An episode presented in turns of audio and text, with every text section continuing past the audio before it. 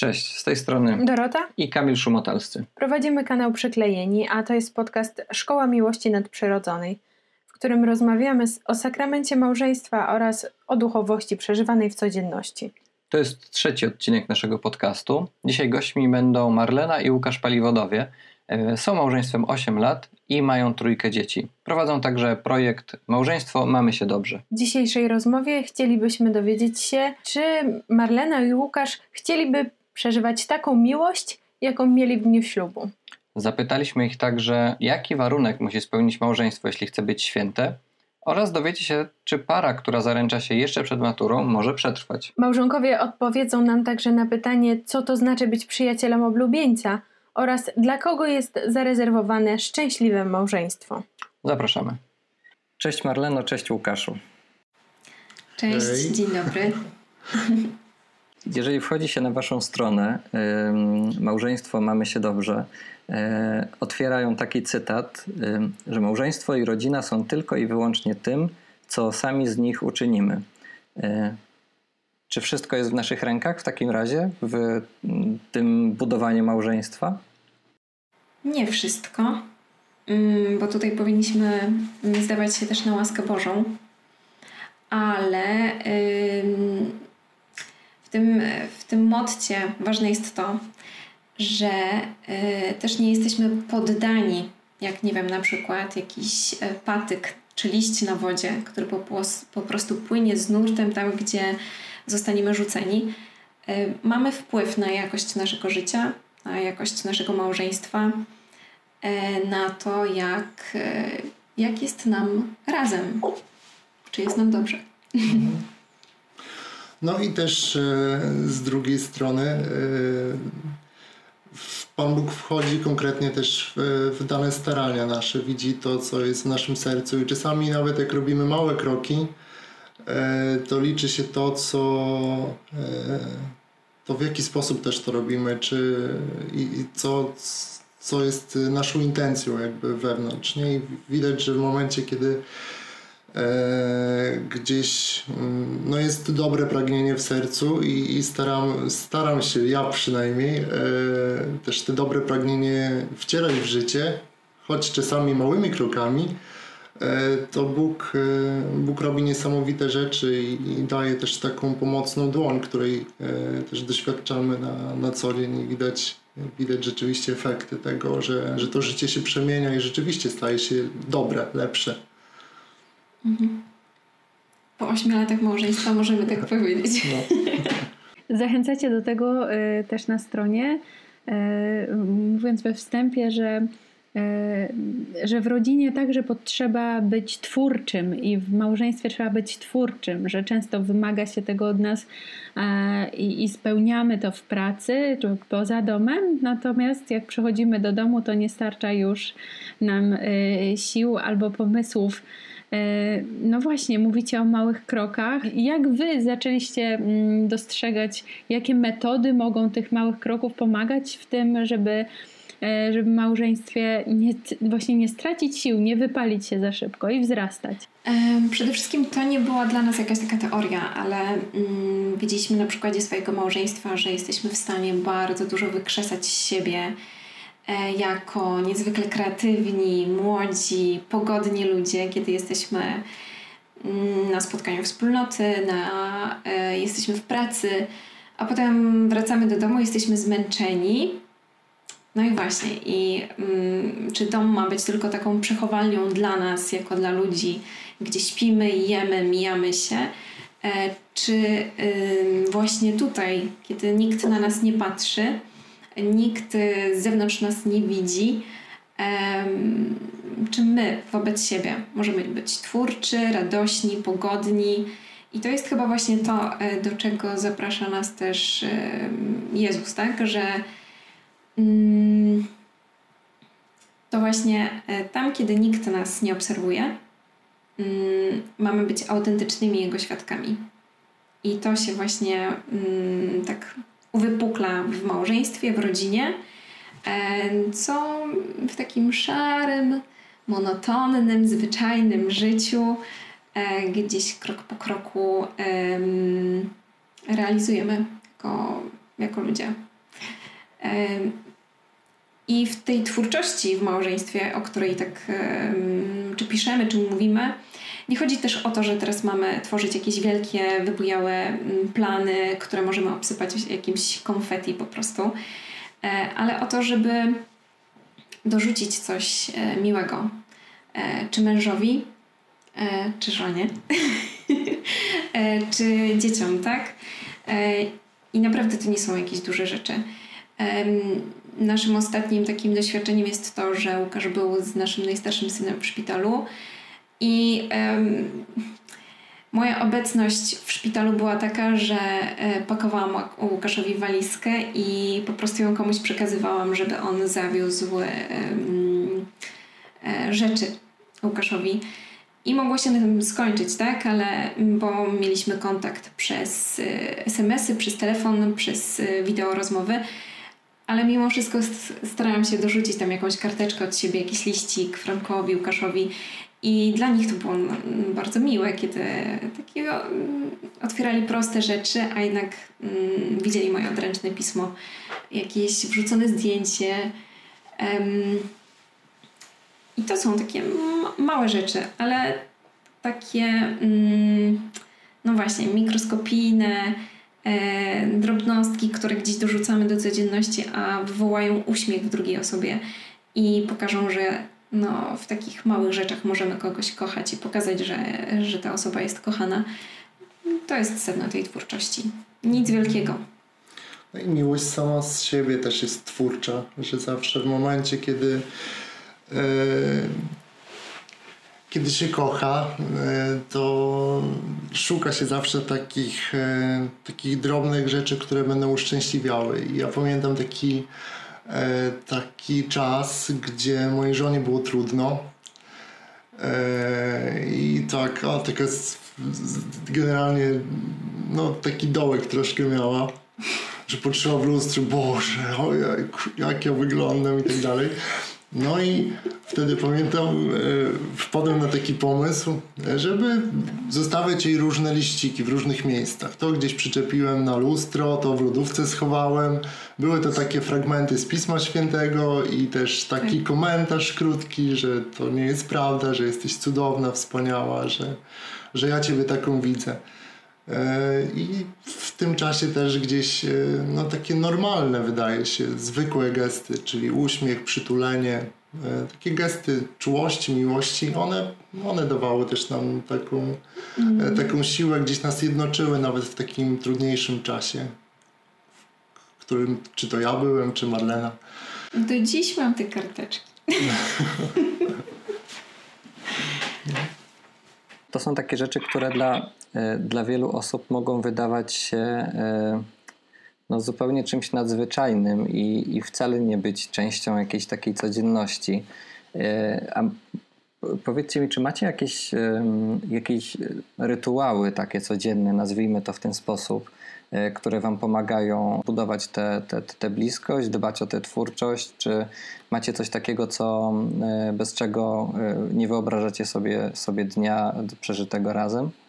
dzisiaj, w tym okresie, tak, w którym teraz jesteśmy, e, e, to chyba jedną z najbardziej jednoczących naszą rodzinę mm, rzeczy jest to, że po modlitwie, e, bo codziennie wieczorem modlimy się wszyscy razem, robimy coś, nie wiem jak to się nazywa dokładnie, ale układamy sobie rękę jeden, jedną na drugiej wszyscy i robimy takie głośne rodzina i krzyczymy i dzieciaki to niesamowicie lubią.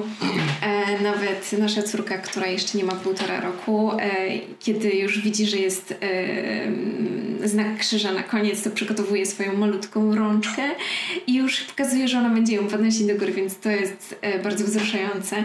W dodatku chłopcy jeszcze, którzy są starsi, wymyślają sobie jakieś dodatkowe. No to teraz zrobimy rodzeństwo, teraz zrobimy bracia, teraz zrobimy teraz mama i tata razem i e, to jest mm, taki moment, kiedy możemy sobie dać dużo takiej radości po prostu e, w codzienności, która nie zawsze jest taka mm, sielankowa, mm, miła, i której może niekoniecznie moglibyśmy nazwać twórczą i radosną, bo nie ma co ukrywać, ale życie rodzinne to jest bardzo często też kocioł emocji. Zwłaszcza kiedy ma się dzieci w różnym wieku, ma też się swoje emocje, swoje problemy takie, mm, nie wiem, zawodowe, każdy inny, tak? I, i po takim dniu spotykamy się na modlitwie w trakcie modlitwy też, jeśli to już był taki dzień trudu, e, to też mamy mm, taki moment, że przepraszamy siebie za to. Rozmawiamy i pytamy się też, jaki był dla ciebie ten dzień, na przykład. I dzieciaki mówią, o, nie podobało mi się to, tamto. Nie podobało mi się, że dzisiaj mama była tak mało cierpliwa. I ja wtedy wiem, że. Mm, że to jest moment, kiedy powinnam przeprosić i e, czasami jestem zaskoczona i dopytuję się, a o co chodziło? E, I wywiązuje się taka rozmowa, tak? E, I ja przepraszam, ale też e, ja słyszę przeprosiny, jeśli e, to chłopcy coś zrobili. E, I potem właśnie tak jakby wisienką na torcie jest ta nasza rodzina pełna radości, później przytulenia i pobłogosławienia siebie wzajemnie każdy każdego. Mm, więc to jest taki, można powiedzieć, na wpół duchowy rytuał, jaki mamy. Z innych to staramy się też jeść wspólnie posiłki e, i dbać o taką kulturę stołu, żeby jednak przy stole porozmawiać, nie odbierać wtedy telefonów, ale być tylko dla siebie. I tutaj e, ta twórczość, jeśli idziemy tą drogą, to objawia się w tym, że nie wiem, namalujemy sobie coś na talerzu. I czasami widzę to, że na przykład e, chłopcy, którzy mają um, 6 i tam um, prawie 5 lat, oni przyjmują takie rzeczy, że dorzucają nam jakieś niespodzianki gdzieś na przykład, albo robią jakieś takie prezenciki, e, rysują rysunek, podrzucają gdzieś. Łukasz ma bardzo dużo niespodzianek i prezentów w butach, w których wychodzi do pracy, więc z rana to jak wkłada nogę, co tam jest znowu. Ale gdzieś jeśli my jako rodzice, jako małżeństwo wprowadzamy mm, taki pewien styl domu, powiedzmy, kulturę domu, kulturę rodzinną, dzieciaki to przechwytują i wtedy robi się coraz fajniej, coraz tak milej i kiedy nam jest trudniej i czasami no, to nie jest tak, że teraz codziennie wymyślamy coś fantastycznego, kreatywnego i nie wiadomo jakiego, e, to dzieciaki ciągną dużo rzeczy. Mm, one przypominają, że no hej, mamo, przepraszam, ale widzę, że jesz, a się nie pomodliłaś wcześniej, nie? I tak samo jest e, z innymi rzeczami, właśnie z takimi miłymi, mhm. że nie usłyszałam jeszcze dzisiaj nic miłego, żeby ktoś mi powiedział. więc dzieci się o to upominają, bo widzą, że to chyba nas i jednoczy i daje dużo takiej radości, zabawy. No i jeszcze będę powiedział jeden rytuał ranny.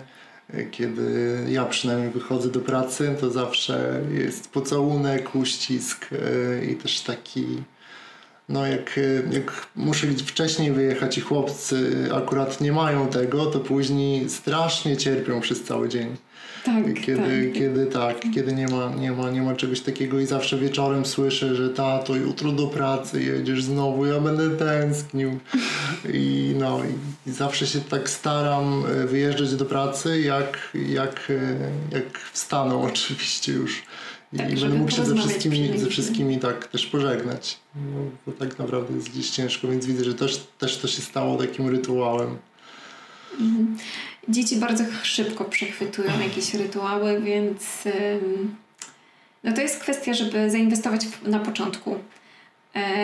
Przemyśleć sobie pewne rzeczy, pomyśleć, jak chcę, żeby moja rodzina funkcjonowała, co chcę jej dodać takiego swojego, tak? Jak my jesteśmy rodziną paliwodów z Ełku, e, więc e, co naszą rodzinę będzie wyróżniać, co chcemy takiego szczególnego mm, zarysować w naszej rodzinie.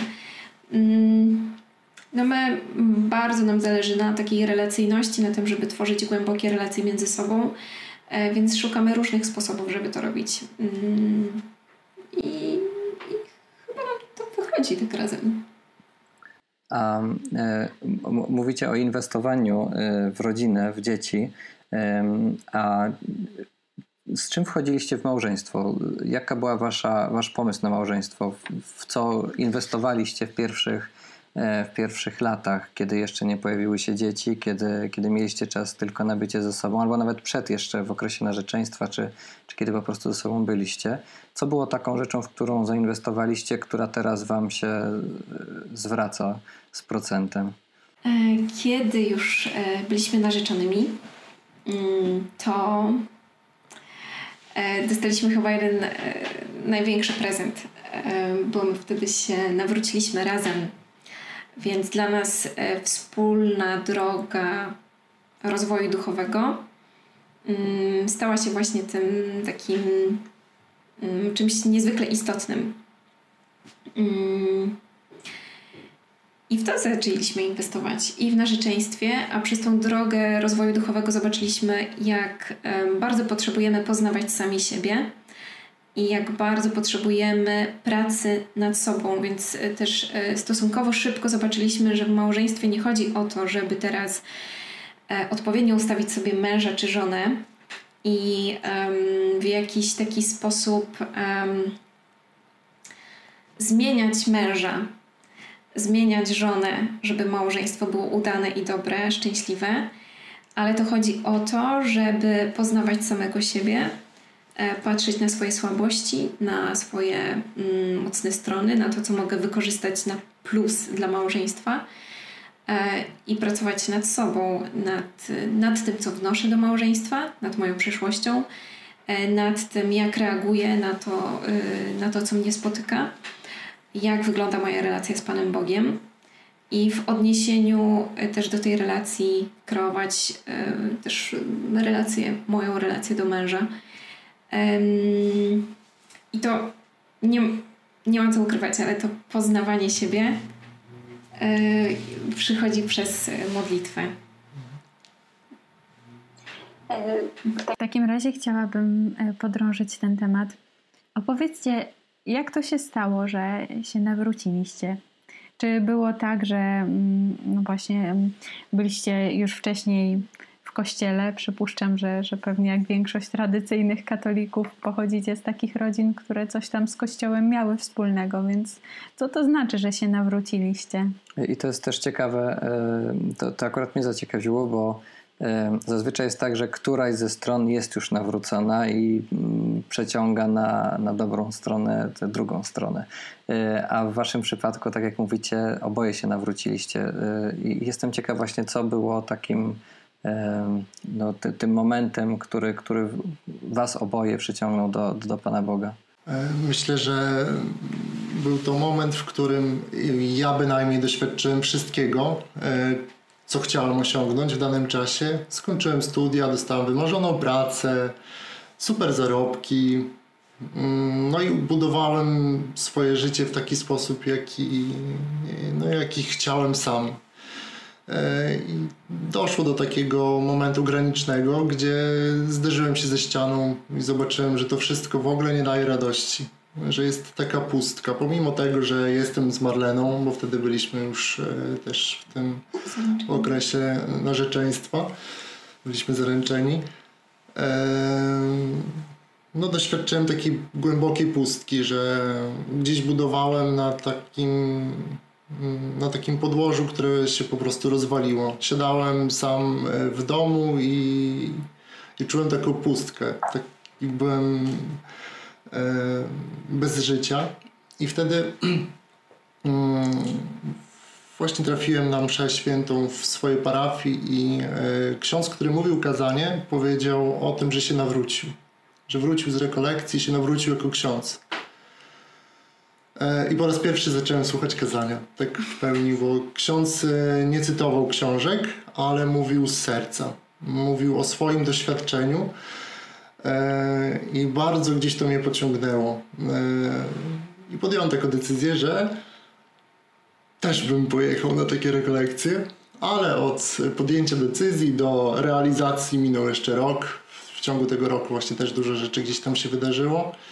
I wtedy, e, wtedy już tak e, postawiłem siebie i Marlenę przed faktem dokonanym, bo zapisałem nas właśnie na takie czterodniowe rekolekcje mm, wyjazdowe i wtedy pamiętam, że pojawił się też taki zgrzyt między nami, E, bo mieliśmy wspólne wakacje ustalone, pojechaliśmy sobie w góry i ja wtedy, wtedy oznajmiłem Marlenie, że będziemy w górach trzy dni, a nie cały tydzień.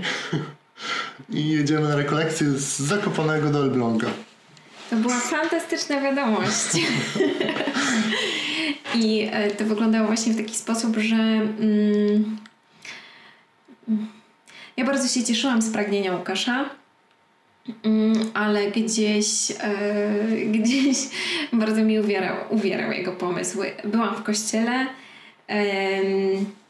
i e, nie czułam potrzeby, żeby teraz jechać na rekolekcję, tym bardziej, że naprawdę chciałam być w tych górach. Ale w górach wydarzyło się to, że Łukasz mówi, nie, nie jedźmy, już zostawmy te rekolekcje. Ja mówię, nie ma mowy, jak już są opłacone, jak już chciałeś tam jechać, to teraz pojedziesz. Więc e, śmiejemy się teraz, że że my e, w sumie zaprowadziliśmy się na te rekolekcje razem. Uzupełniliśmy się w tak, tym momencie. Tak. Mhm. I to było jeszcze przed naszym ślubem. Po tych rekolekcjach faktycznie e, spojrzeliśmy na swoje życie trochę tak, że jeju, do tej pory to, co jest za nami, jest takie szare, bo my nie jakby nie odnajdywaliśmy Pana Boga Mm, tak w swoim sercu, obok siebie, tego, że jest cały czas razem z nami, tylko mm, był w kościele, był gdzieś daleko. Mm, a te rekolekcje otworzyły nam na to oczy, że, że on jest bardzo blisko, jest Bogiem bliskim. Ja to generalnie nigdy nie spotkałem go, więc tylko słyszałem o nim e, i miałem swój obraz Boga i pamiętam, że jechałem z wieloma wątpliwościami też na te rekolekcje, bo kiedy wyjechaliśmy z Zakopanego, to praktycznie tego w, w tym Zakopanem i na szlaku nie byliśmy, bo padał deszcz.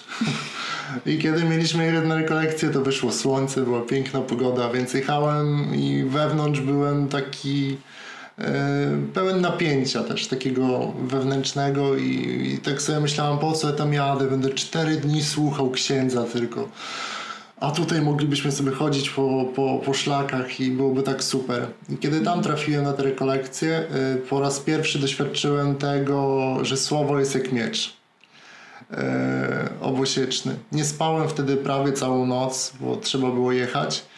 Yy, rekolekcje rozpoczynały się o godzinie 8, trwały do 21 i ja siedziałem yy, w tych rekolekcjach w taki sposób, że oczy miałem jak pięciozłotówki, a zęby można było z podłogi zbierać. E, po prostu to słowo mnie zaczęło przenikać i jak, kiedy ja słuchałem, e, słuchałem księdza, słuchałem świadków, e, którzy świadczyli o tym, że spotkali Jezusa, to budziło się we mnie takie pragnienie, że ja chcę. Ale z drugiej strony tak w głowie miałem coś takiego, że to jest niemożliwe przecież to, o czym oni mówią, nie? I pamiętam, że wtedy stanąłem tak przed Jezusem w takiej prawdzie i powiedziałem mu, że, że chcę, ale no ciężko jest mi w to tak uwierzyć. E, I mm, przełomem był drugi dzień, kiedy, kiedy poszliśmy do spowiedzi. Mm, ja generalnie wcześniej spowiedź moja wyglądała w taki sposób, że no tak zdawałem relacje z grzechów ale nigdy nie zawierzałem, nie? Mm, siebie, tak Bogu. Nie, nie wierzyłem, że On może coś zmienić. A wtedy była taka spowiedź, w której e, wszystko wyłożyłem kawę na ławę dosłownie i, i nie owijałem w bawełnę. E, niczego nie upiększałem, tylko powiedziałem Bogu tak jak jest. Wtedy stając przed tym księdzem i doświadczyłem e, pierwszego takiego zetknięcia z nim właśnie e, właśnie tam, przy kratkach konfesjonału, gdzie doświadczyłem tego, że Bóg zdjął coś ze mnie, że to było też tak fizycznie doświadczalne, że ja nabrałem powietrza pełną piersią. E, I kolejny moment to był moment, gdzie po mszy świętej była adoracja Najświętszego Sakramentu i wtedy ksiądz ksiądz prowadził modlitwę uzdrowienie i wtedy właśnie wymieniał różne osoby, które gdzieś tam są dotykane, uzdrawiane i ja wtedy właśnie mówiłem, kurczę, to jest niemożliwe, no to jest niemożliwe. I takie myśli się pojawiały e, w mojej głowie związane z tym, czym się karmiłem, co oglądałem. Oglądałem telewizję i tam był był generalnie taki hejt na księży, że tam wszystko dla kasy jest. I pamiętam, że to we mnie się działo, że ksiądz pewnie popłacił tym ludziom, oni podnoszą ręce i to tak fajnie jest. Ale wtedy też gdzieś z drugiej strony pojawiła, pojawiła się kolejna myśl, żeby, żeby jednak może spróbować. No i wtedy, wtedy też stanąłem w takiej prawdzie i powiedziałem, że ja naprawdę chcę, ale proszę Ciebie, żebyś też dał mi takie, takie światło, bo nie dowierzam. E, chcę, żebyś przyszedł do mnie konkretnie. I ja wiem dzisiaj, że to było takie wołanie e, o doświadczenie miłości, o to, żeby Bóg spojrzał na mnie, bo nikt nigdy na mnie nie spojrzał tak w, e, tak w całości, znając prawdę całą, nie? I kiedy skończyła się myśl w mojej głowie, ksiądz zaczął wypowiadać moje imię, nie? Ja jeszcze Bogu powiedziałem, że chcę wiedzieć, że konkretnie, bo na tej sali jest z, dwóch, z dwa tysiące może takich Łukaszów jak ja, nie? I chcę, żebyś powiedział konkretnie do mnie. I wtedy, mm, wtedy właśnie usłyszałem te słowa, że Łukasz, jesteś młodym człowiekiem, e, Bóg Cię bardzo kocha i zostałeś uzdrowiony. I w tym momencie po prostu Jego obecność e, przeszyła mnie i wszystko się zmieniło. To było po prostu takie przyjście, które wywróciło wszystko do góry nogami w pozytywnym tego słowa znaczeniu.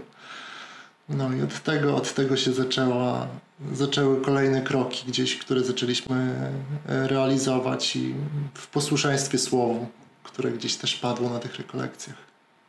To jeszcze zapytamy Marlenę, czy możesz nam y, opowiedzieć, jak to było u Ciebie z tym momentem nawrócenia? Na początku wszystkiemu się przyglądałam. Mm, dla mnie na tych rekolekcjach, o których Łukasz opowiada, mm, chyba najważniejsze było to, że E, przeżyłam tam e, taki sakrament e, pokuty i pojednania, w którym przestałam się tego sakramentu bać.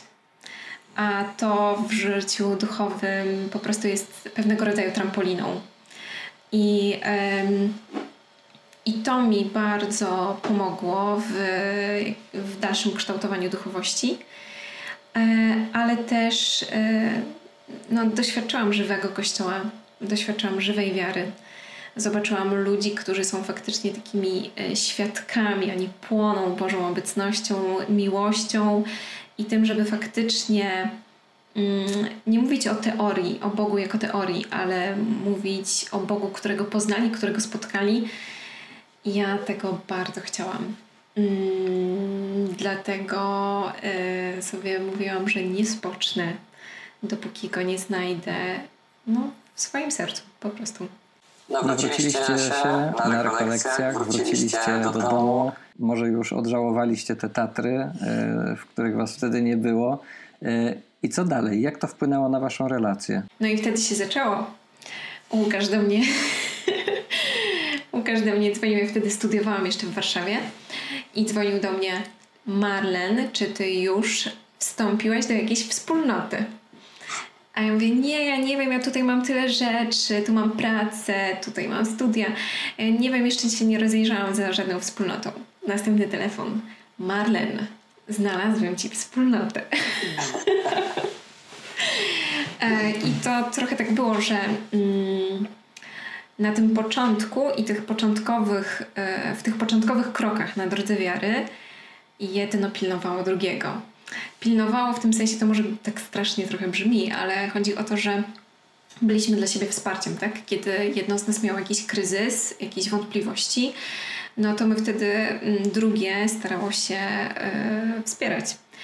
I pamiętam też taki moment, yy, że zadzwonił do mnie yy, ksiądz, który prowadził Łukasza wspólnotę i mówi Marlena, zrób coś z tym, ale twojego narzeczonego nie było już na dwóch spotkaniach. Co się dzieje? No i ja nie ukrywam, ale wtedy zadzwoniłam do Łukasza i mówię mój drogi, żeby to był ostatni raz, kiedy dzwoni do mnie twój ksiądz.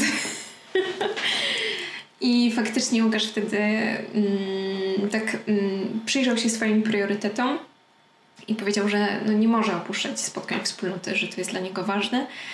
I no i po prostu już nie opuszczał spotkań. I co zmieniło się konkretnie po tych rekolekcjach? Dla mnie gdzieś Łukasza świadectwo, które, o którym on mi opowiadał, tego jak podszedł do chociażby do spotkania ze swoimi rodzicami, tego jak jego dom zaczął się przemieniać, był bardzo budujący.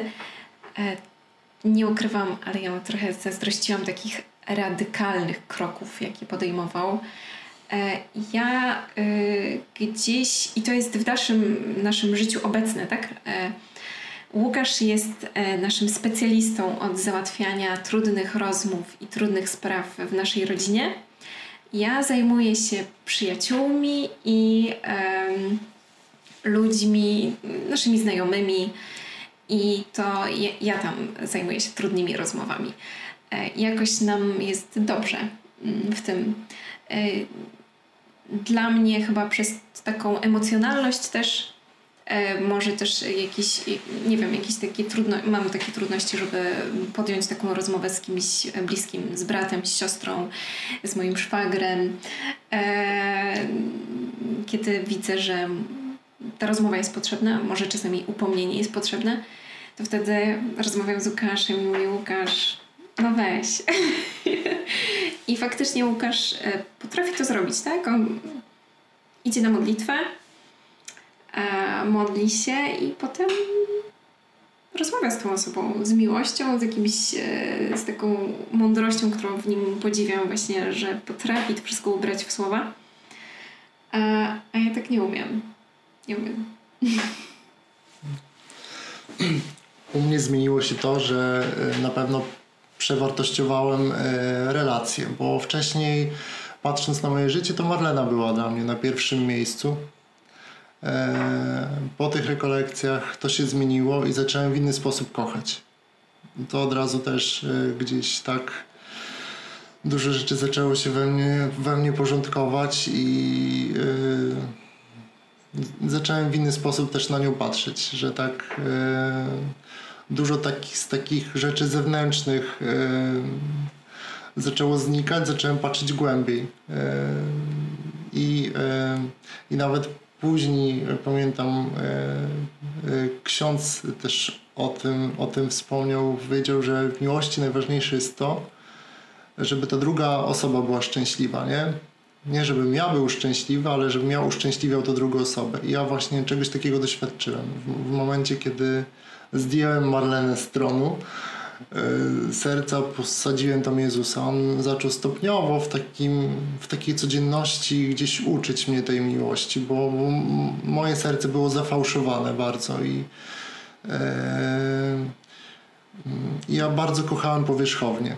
E, a tutaj Jezus zaczął wprowadzać w taką, w taką głębię miłości, w taką też ofiarność, że czasami trzeba zrezygnować e, z wielu rzeczy, których się chce, e, które sprawiają przyjemność, po to, żeby, żeby dać prawdziwą miłość, nie? żeby dać swój czas. Byliście już wtedy zaręczeni, więc mieliście jakieś wyobrażenia na temat sakramentu małżeństwa. A możecie powiedzieć, no właśnie, jak wasze nawrócenie zmieniło rozumienie tego y, sakramentu, bo tu mówicie o podejściu do, do mm, drugiej osoby, zmianie mm, patrzenia, tak? Y, większym akcentowaniu właśnie szczęścia drugiej strony czy, czy ofiarności, a a sam sakrament, czy, czy mm, właśnie lepiej zrozumieliście, co znaczy sakrament przez to wasze nawrócenie? Musimy tu postawić pewną taką gwiazdkę, bo my zaręczyliśmy się przed moją maturą. E, więc byliśmy bardzo młodzi. E, nasze takie spojrzenie na małżeństwo raczej polegało na negacji tego, co obserwujemy. Czyli, że nie chcemy być takim małżeństwem, jakie obserwujemy wokół nas. Gdzieś było w nas e, takie duże pragnienie głębi, piękna, ale nie wiedzieliśmy, gdzie tego szukać. w jaki sposób to tworzyć, na czym się, na kim, na czym się wzorować. I moment nawrócenia jakby dał nam odpowiedzi na te pytania, tak? na te poszukiwania, na te pragnienia, które w nas były. Więc wierzymy, że to też taka, e, taka Boża odpowiedź na to, co było w nas. Mm. I po naszym nawróceniu my mm, dwa lata później e, wzięliśmy ślub mm, jeszcze, więc e, to był też czas takiego intensywnego przygotowywania się do małżeństwa.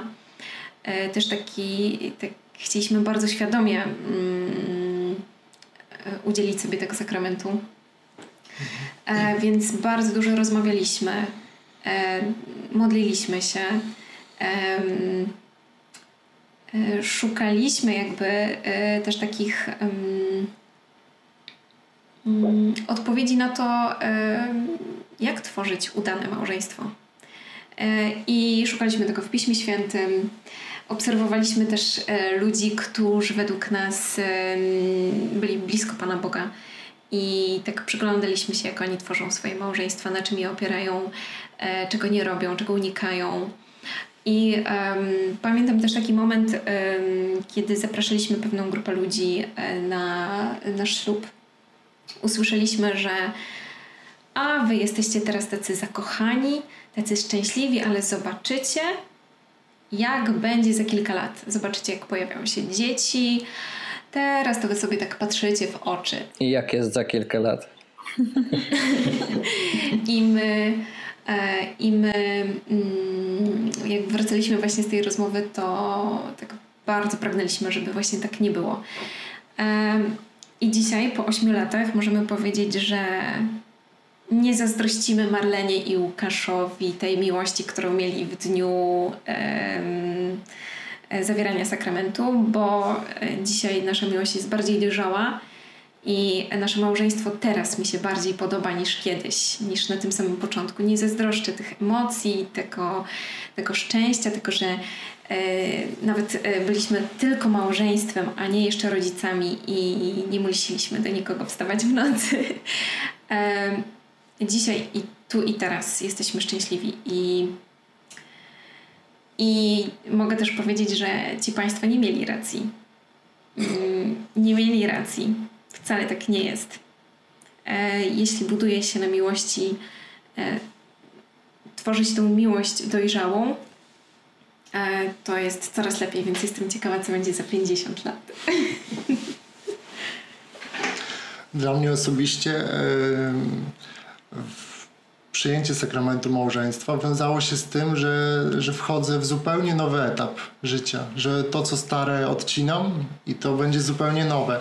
I pamiętam, że e, kiedy już zbliżał się ten dzień, e, to modliłem się tak i pytałem Jezusa na modlitwie osobistej takiej, mówię, Boże, e, okej, okay, będę wchodził w nowy etap życia, e, no i jest wieczór kawalerski.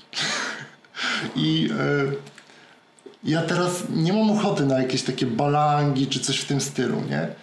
E, mam ochotę na, zupełnie coś innego i tylko nie wiem jak to, jak to zrobić, jak to, jak to ubrać. I wtedy pamiętam, że mm, na modlitwie gdzieś Bóg przyszedł z takim słowem w sercu, żeby e, zrobić wieczór kawalerski w kościele, żeby zorganizować adorację.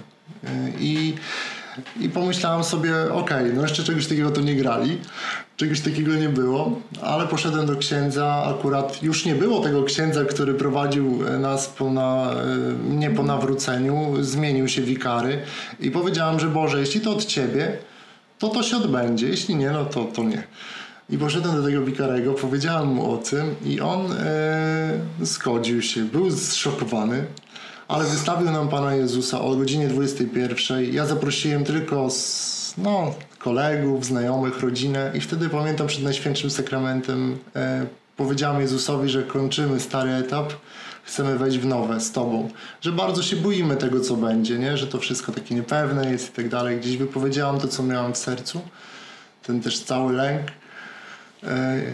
I, I, wtedy, wtedy rzeczywiście weszliśmy w nowe, w nową, w nową taką jakość życia z nim. I właśnie sakrament kojarzy mi się, kojarzy mi się, no, jest dla mnie dla mnie obecnością Boga, że nie mieszkamy u siebie, ale mieszkamy u Niego, że On, on się wszystkim zajmuje, że tak jak zajął się naszym ślubem, tym dniem takim najpiękniejszym, tak zajmuje się tą codziennością taką szarą, że On nam usługuje, że On tak jak uczniom mył nogi, tak nam myje te nogi i, i poprzez to doświadczenie e, właśnie umycia nóg ja jestem w stanie też umywać nogi żonie, dzieciom.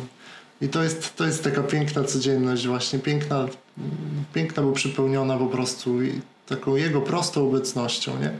Jednak mimo wszystko przez te 8 lat, chyba że się mylę, ale podejrzewam, że zdarzyły się takie momenty, kiedy y, małżeństwo nie miało się dobrze, y, kiedy, kiedy były jakieś trudniejsze chwile. Powiedzcie, jakie macie y, swoje rozwiązania, albo jak, jak przechodzicie przez, przez takie momenty w waszej relacji, kiedy nie wszystko jest takie kolorowe, kiedy nie wszystko się udaje? E, oczywiście są takie momenty. E, tak jak spojrzymy teraz na mm, te 8 lat, moglibyśmy wyznaczyć konkretne okresy czasu, kiedy e, przechodziliśmy nawet, nawet można powiedzieć, że kryzys. Pierwszy chyba był właśnie w momencie po narodzinach naszego synka, e, kiedy dowiedzieliśmy się też, że mm, będziemy mierzyć się też z jego chorobą. I e, dla mnie osobiście to było coś bardzo trudnego. E, łącznie z tym, że mm, był to dla mnie emocjonalnie trudny czas, e, to połączyło się jakby automatycznie z moim kryzysem wiary, a to przełożyło się na małżeństwo. Bardzo nie mogliśmy znaleźć mm, siebie w tym czasie. Po prostu. Oczywiście całość jakby utrudniało to, że e, nasz maluszek był niezwykle wymagający, płaczący, kolkujący, ząbkujący, wszystko tak jeszcze do potęgi e, i nie był to dla nas e, łatwy czas. Uczyliśmy się siebie jako rodzice, jako, czyli poznawaliśmy siebie jakby na nowo w pewnych aspektach. To jeszcze doszło nam po prostu sporo zmartwień i no właśnie, i wtedy też to też chyba jest istotne, żeby to zaznaczyć. Ja nie byłam we wspólnocie. Łukasz był we wspólnocie. Łukasz poszedł dalej, a ja zostałam w domu tak zamknięta jakby w swoim myśleniu, też w swoim zmartwianiu się, e, w, swoim, e, w swoich takich myślach, które, w których było bardzo dużo wyrzutu dla Pana Boga. I e, jak każdy z nas w różnym tempie zbliżało się do Boga, automatycznie przełożyło się na to, że my się od siebie oddaliliśmy. Um, tutaj um, chyba zbawienna um, dla mnie była też właśnie jedna z rozmów w trakcie spowiedzi. Oczywiście też bardzo długo szukałam jakiejś pomocy w kościele rozmowy, ale jej nie znajdowałam. Aż w końcu e, po nie wiem, kilkunastu miesiącach, może nawet dłużej, porozmawiałam z księdzem, który Y, wykazał się ogromnym zrozumieniem i po prostu mnie wysłuchał z tym wszystkim, co miałam w sercu. E, a potem też dowiedziałam się, że Łukasz mi powiedział, że cieszę się, że to nastąpiło, nie? Bo modliłem się za ciebie przez cały ten czas. E, I to było dla mnie takie, dało mi to taką, e, takie poczucie bezpieczeństwa, że mimo, że ja gdzieś odchodzę, i przeżywam jakieś trudności, e, to on jako mój mąż e, cały czas jest obok mnie e, modlitwą. Nie umie w danym czasie wspierać mnie w inny sposób, ale mimo wszystko jest ze mną, bo się ze mnie modli i no, to było dla mnie ogromne odkrycie takie małżeńskie. Dodatkowo w tym ten kryzys pogłębiał się też przez to, że ja trochę moralizowałem zamiast być wsparciem, wysłuchać, to ja jeszcze tego nie rozumiałem. Ja po prostu tutaj specjalista, taki komputerek. Wpisz i jest rozwiązanie, nie? I to, to było też takie trudne, bo gdzieś nas to oddzielało. Zamiast przytulić, no to właśnie takie dużo, dużo takiej gadaniny i takiego w ogóle niezrozumienia e, tego, co się, co się dzieje w sercu mojej żony. I też takim sposobem na rozwiązywanie kryzysów, który gdzieś odkryliśmy po, po, po dłuższym czasie, właściwie też ja odkryłem, to jest stanięcie w słabości, e, w prawdzie o sobie i, mm, i powiedzenie e, tego, co się dzieje ze mną. Powiedzenie tego, co mnie boli. I dla mnie, dla mnie to był taki kamień milowy, który rzeczywiście gdzieś tam musiałem, musiałem przekroczyć, bo miałem takie myślenie w sobie, że facet musi być twardy, musi być silny, że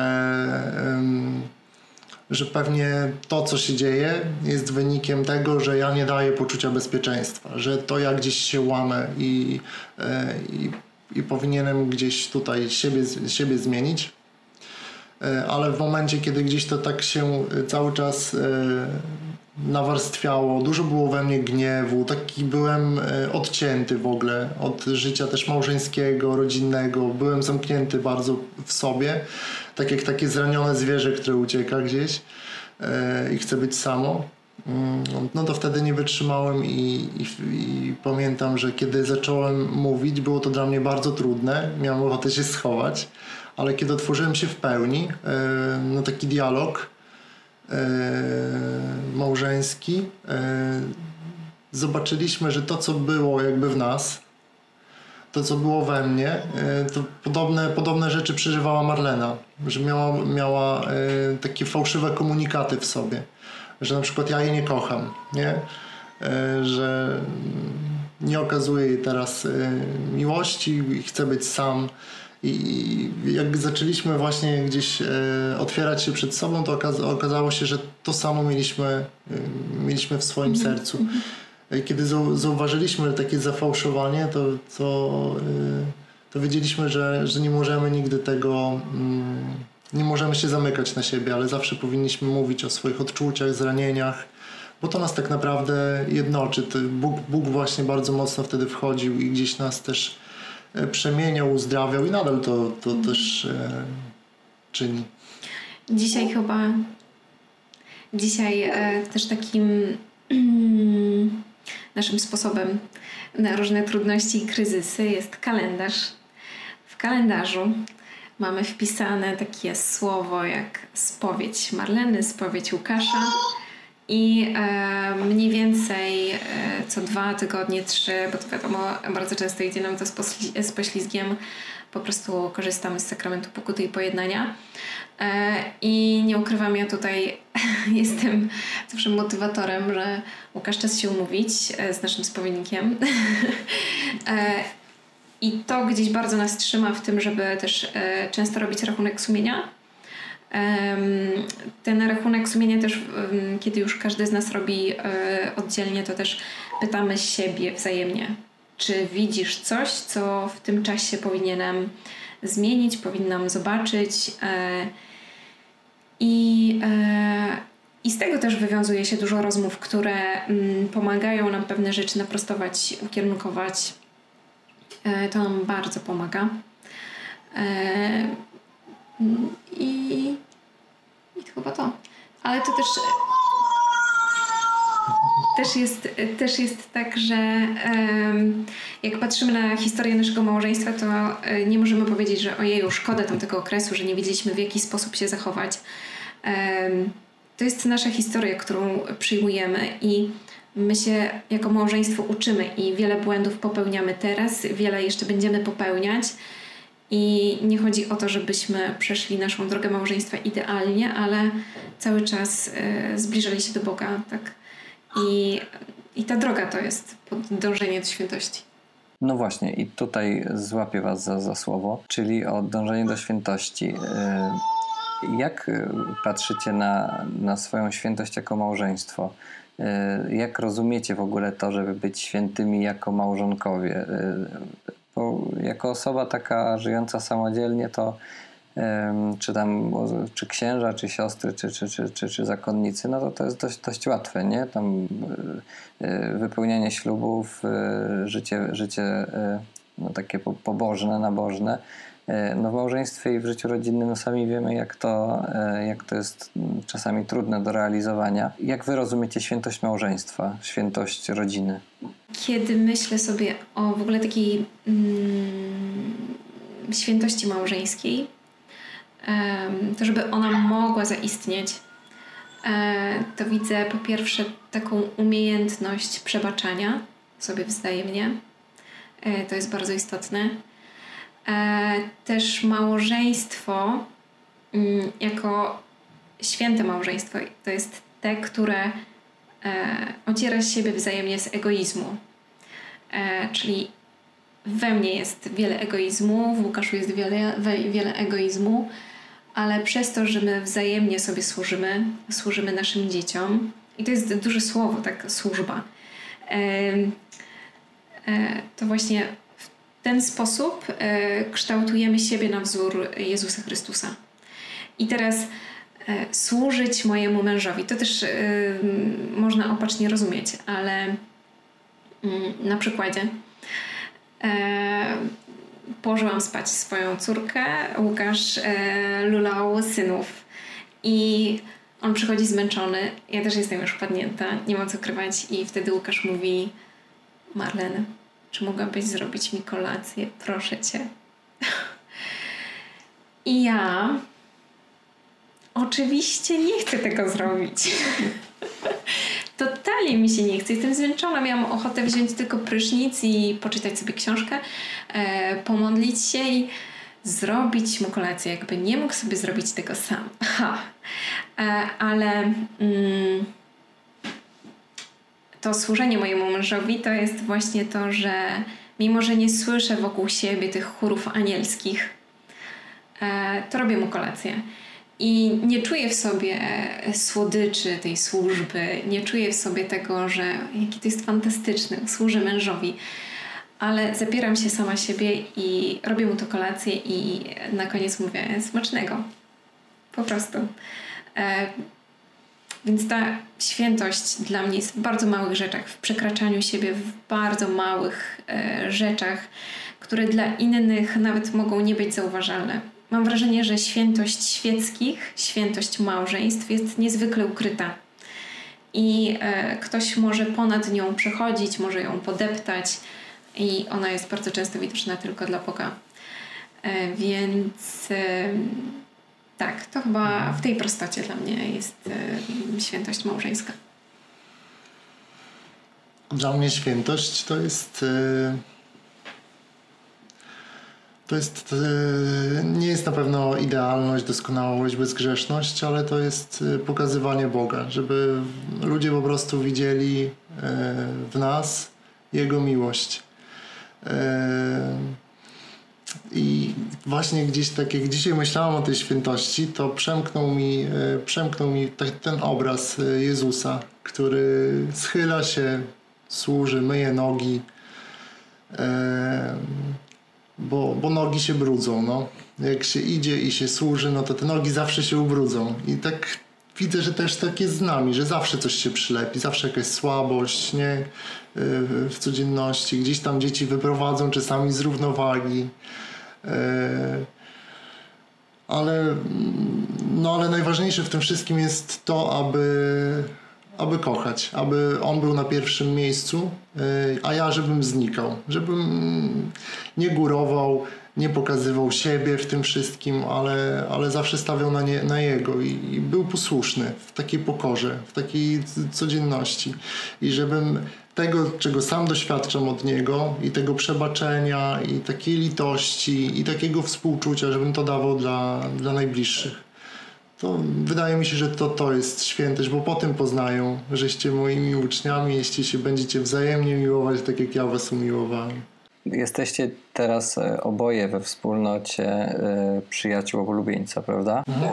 Powiedzcie, powiedzcie, jak rozumiecie to bycie przyjacielem oblubieńca jako każdy z was z osobna i jako małżeństwo? Bo to, o czym mówicie tutaj, to o, i o służbie, i o, o takim wspieraniu się i byciu otwartym na siebie, to wszystko E, oczywiście wpisuje się w definicję przyjaźni i, i, i takiego no, no, no, bycia ze sobą po prostu, z przyjacielem, z kimś, kto, kto mnie doskonale zna. No ale umówmy się, że bycie w przyjaźni z, z Jezusem jest zupełnie innym doświadczeniem od, od tej przyjaźni takiej ludzkiej. E, jak to wygląda w, waszym życiu, czy też w waszej wspólnocie? Co, co też, jak też wspólnota uczy was, was tej przyjaźni? Mm, wspólnota przyjaciela oblubieńca w której się formujemy i posługujemy. Jest to wspólnota, no, no właśnie, formacyjno-ewangelizacyjna. Formacyjno, formacyjna, czyli na każdy dzień um, mamy określoną formację, um, określone tematy do medytacji i modlitwy osobistej. E, korzystamy z podręczników formacyjnych, które są przypisane wspólnocie. I jest to niesamowite narzędzie do takiego spotkania z Bogiem i też poznawania samego siebie. E, ale też jest to wspólnota ewangelizacyjna, czyli e, my, jako przyjaciele oblubieńca, e, świadczymy o Jezusie. Poprzez kursy ewangelizacyjne, poprzez różne mm, spotkania, warsztaty, ale też wspólnota uczy nas tego, że mm, nie przez tylko to, co jest zorganizowane w jakiś sposób w kościele mamy świadczyć, że teraz e, dajemy wam mikrofon i teraz mówicie świadectwo na przykład i e, teraz jesteście świadkami, ale uczy nas tego, że my mamy być świadkami właśnie takimi um, cichymi, tak? Czyli jak idę do um, warzywniaka do, na naszym osiedlu, e, to pani jest mi w stanie powiedzieć, że jest Pani bardzo cierpliwą mamą. Mm, I skąd Pani ma tyle cierpliwości do tych ruchliwych dzieciaczków? I to jest moment e, na no, samo to, co Pani obserwuje z świadectwem, ale to też jest moment na e, nawiązanie jakiejś rozmowy. E, bo ja wtedy mówię, że to tylko łaska Boża. um, ale też e, e, wspólnota przyjaciół ulubieńca ma e, piękny charyzmat i wprowadza w piękną duchowość bycia przyjacielem Jezusa i pokazuje, że ja jako człowiek, ja jako mama, kobieta, żona mogę być jego przyjaciółką. I to też daje pewnego rodzaju śmiałość do tego, aby tworzyć z nim bliską relację, e, wchodzić w mm, przyjaźń i móc nazywać go swoim oblubieńcem. Prawie wszystko żona powiedziała, ciężko coś dodać, ale e, mi taka jedna rzecz przyszła, że e, wspólnota przyjaciół uczy wierności też. E, wtedy, kiedy jest dobrze i wtedy, kiedy jest źle, żeby zawsze e, być przy Jezusie, no bo przyjaciel jest i na dobre, i na złe. Że nie jest tylko w czasie takim e, fajnym, radosnym, ale też w czasie trudności, jakichś takich różnych doświadczeń. Jeśli ktoś jest przyjacielem, no to prawdziwym przyjacielem to też daje czas e, dla drugiego, że daje to co najcenniejsze i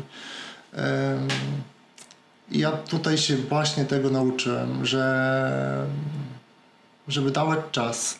I to nie jakieś takie ochłapy dla Pana Boga, ale żeby dawać ten czas taki najlepszy. I nie chodzi o to, żeby był nie wiadomo jak długi, ale może być nawet 10 minut, ale jeśli jest skupione całkowicie na nim, bez żadnych takich e, rozjazdów, to ten czas naprawdę obfituje w to, że że serce się przemienia, tak jak te, e, tak jak drzewa teraz na wiosnę rozkwitają, tak podobnie jest e, w tym czasie, kiedy w wierności się trwa w takiej ciszy, e, też przed nim, no to, to widzę, jak dużo się zmienia. I teraz chociażby mm, też we wspólnocie było zaproszenie do tego, żeby, żeby korzystać z adoracji, że kościoły są otwarte i, i, i widzę, widzę, że te takie e, chociażby wejście na chwilę do tego kościoła na 5-10 minut po to, żeby po prostu popatrzeć na niego, poprzebywać razem, e, bardzo przemienia. Ja widzę, jak dużo się we mnie zmieniło e, w takiej relacji małżeńskiej z dziećmi, że ta wspólnota daje naprawdę taki, mm, takie konkrety.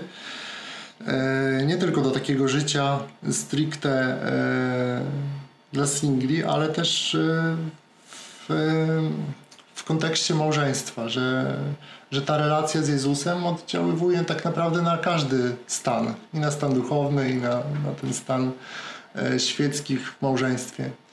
E, no, myślę, że to tyle. Jesteście przyjaciółmi dla siebie nawzajem? Tak. Tak.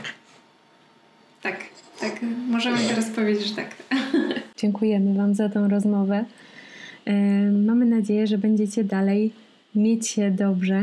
Dzięki Waszemu świadectwu też, że wiele par będzie e, umocnionych do tego, e, żeby szukać e, prawdziwej, żywej wiary i mieć właśnie nadzieję, mm, że tacy świadkowie, skoro istnieją, to że szczęśliwe małżeństwo dzisiaj jest możliwe i takie małżeństwo, które ma się dobrze, a nie jest pozostawione same sobie no, w takich niepewnych czasach, chociażby teraz pandemii. Bardzo Wam dziękujemy. My również dziękujemy i na koniec chcę tylko dodać, że mm, szczęśliwe małżeństwo, takie, w którym e, i mąż, i żona czują się spełnieni, nie jest zarezerwowane e, dla nielicznych albo dla ludzi z odznaką superwierzących.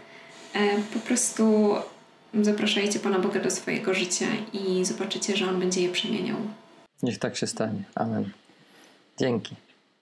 Dziękujemy za rozmowę Łukaszowi i Marlenie. Zachęcamy Was do subskrybowania naszego podcastu na YouTube, Spotify, e, od niedawna także na Apple Podcasts i innych platformach. Czekamy na Wasze uwagi, propozycje gości, tematów, rozmów. I zapraszamy do śledzenia nas na Instagramie, gdzie najczęściej możecie się z nami spotkać. Do zobaczenia za tydzień.